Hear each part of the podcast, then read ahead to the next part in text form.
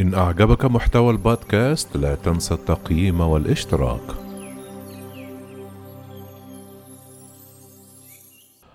في خطوة غير مسبوقة وفد من حزب الشعب الجمهوري التركي المعارض لأردوغان في زيارة مرتقبة إلى القاهرة.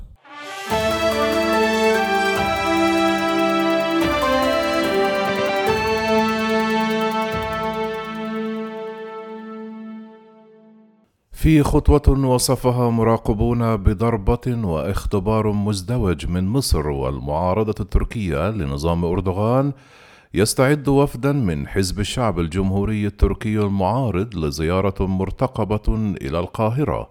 والسبت ذكر القيادي بحزب الشعب الجمهوري التركي المعارض كبير مستشاري رئيس لجنة الشؤون الخارجية بالحزب. أونال تشيفيكوز أن وفدا من الحزب قد يتوجه إلى مصر في الأسابيع المقبلة وأضاف أونال أن حزبه أبلغ الجانب المصري برغبته في إرسال وفد إلى القاهرة قائلا ليس من الصواب عدم إجراء اتصال دبلوماسي مع دولة بحجم جمهورية مصر العربية على مستوى السفارة لسنوات وأكد سعادة حزب الشعب الجمهوري بتعميق العلاقات مع القاهرة وبالتوصل إلى نطاق اتفاق مع تركيا بعد سنوات من القطيعه بين الجانبين.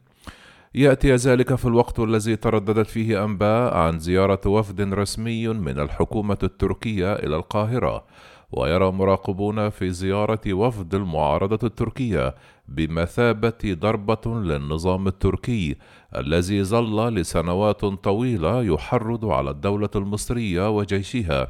متبينا مئات الإرهابيين والمطلوبين للعدالة في القاهرة.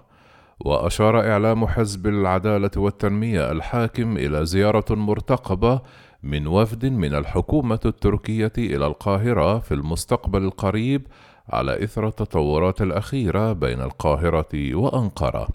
يذكر أن وزير الخارجية التركي مولود جويش أغلو صرح الأسبوع الماضي عن عودة الاتصالات الدبلوماسية بين مصر وتركيا دون أي شروط مسبقة، ثم أضاف: هناك اتصالات مع القاهرة على مستوى وزارة الخارجية والمخابرات، بينما بدأت اتصالاتنا على الصعيد الدبلوماسي.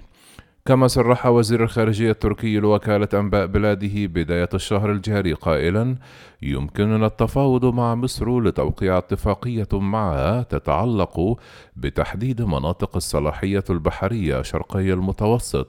على غرار الاتفاقية الموقعة بين تركيا وليبيا مؤكدا أن مصر احترمت جرفنا القاري أثناء توقيعها اتفاقية مع اليونان ونحن نقدر ذلك. المعارضة التركية تفند انتصارات أوغلو في غضون ذلك. انتقد كبير مستشار رئيس لجنة الشؤون الخارجية في حزب الشعب الجمهوري تصريحات وزير الخارجية التركي مولود جويش أوغلو التي أعلنوا خلالها عن بدء الاتصالات الدبلوماسية مع مصر وتصوير ذلك على أنه انتصار لتركيا. وقال إن الاتصالات الدبلوماسية مع مصر لم تنقطع قط كما أن القول بأن الاتصالات الدبلوماسية قد بدأت ليست صياغة مناسبة لشرح الوضع الحالي لأننا لم نغلق سفاراتنا ولم نوقف الاتصالات الدبلوماسية بمصر أبدا. يقول الخبير التركي مصطفى جوناي أن الرئيس التركي رجب طيب أردوغان لم يعد أمامه مفر من التصالح مع مصر ويضيف جوناي معضلة أردوغان الآن باتت خارجيا وداخليا أيضا وليس خارجيا فقط في كيفية التحاور مع مصر وبأي أوراق يفاوض الجانب المصري. ويكمل فمعضلة الرئيس التركي أردوغان الآن أصبح أمام شعبه في كيفية السير نحو التصالح مع مصر بعدما ظل النظام التركي بأكمله يحرض على مصر وجيشها ونظامها السياسي طوال سبعة أعوام على الأقل بداية من أردوغان مرورا بوزراء حكومته وقيادات حزبه الحاكم وصولا لإعلام النظام التركي في مهاجمته بمصر. وتابع جوناي الرئيس التركي أردوغان اليوم وإن كان في وضع سيء أمام مصر فهو في وضع أسوأ أمام الشعب التركي نفسه والمعارضة التركية التي رفضت سياسيات وممارسات النظام التركي ضد مصر وهو الآن يخطب ود مصر ويتحدث للإعلام التركي عن أهمية العلاقات مع مصر. واستطرد فاليوم لا حل لأزمات تركيا في ملفات الشرق المتوسط وليبيا وتلطيف الأجواء مع دول الخليج التي قاطعت المنتجات التركية سوى بالتعاون مع مصر.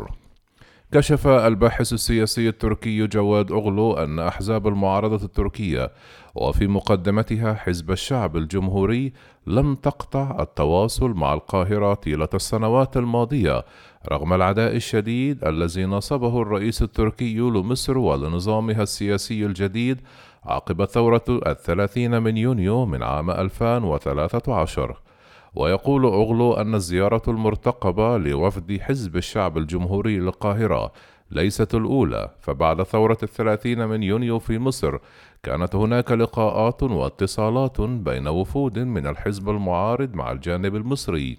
ويضيف أغلو فحزب الشعب الجمهوري يدرك أهمية مصر وثقله الإقليمي وعمق العلاقات بين تركيا ومصر وما له من تداعيات وتأثير قوي في مختلف قضايا العالم الإسلامي ومنطقة البحر المتوسط.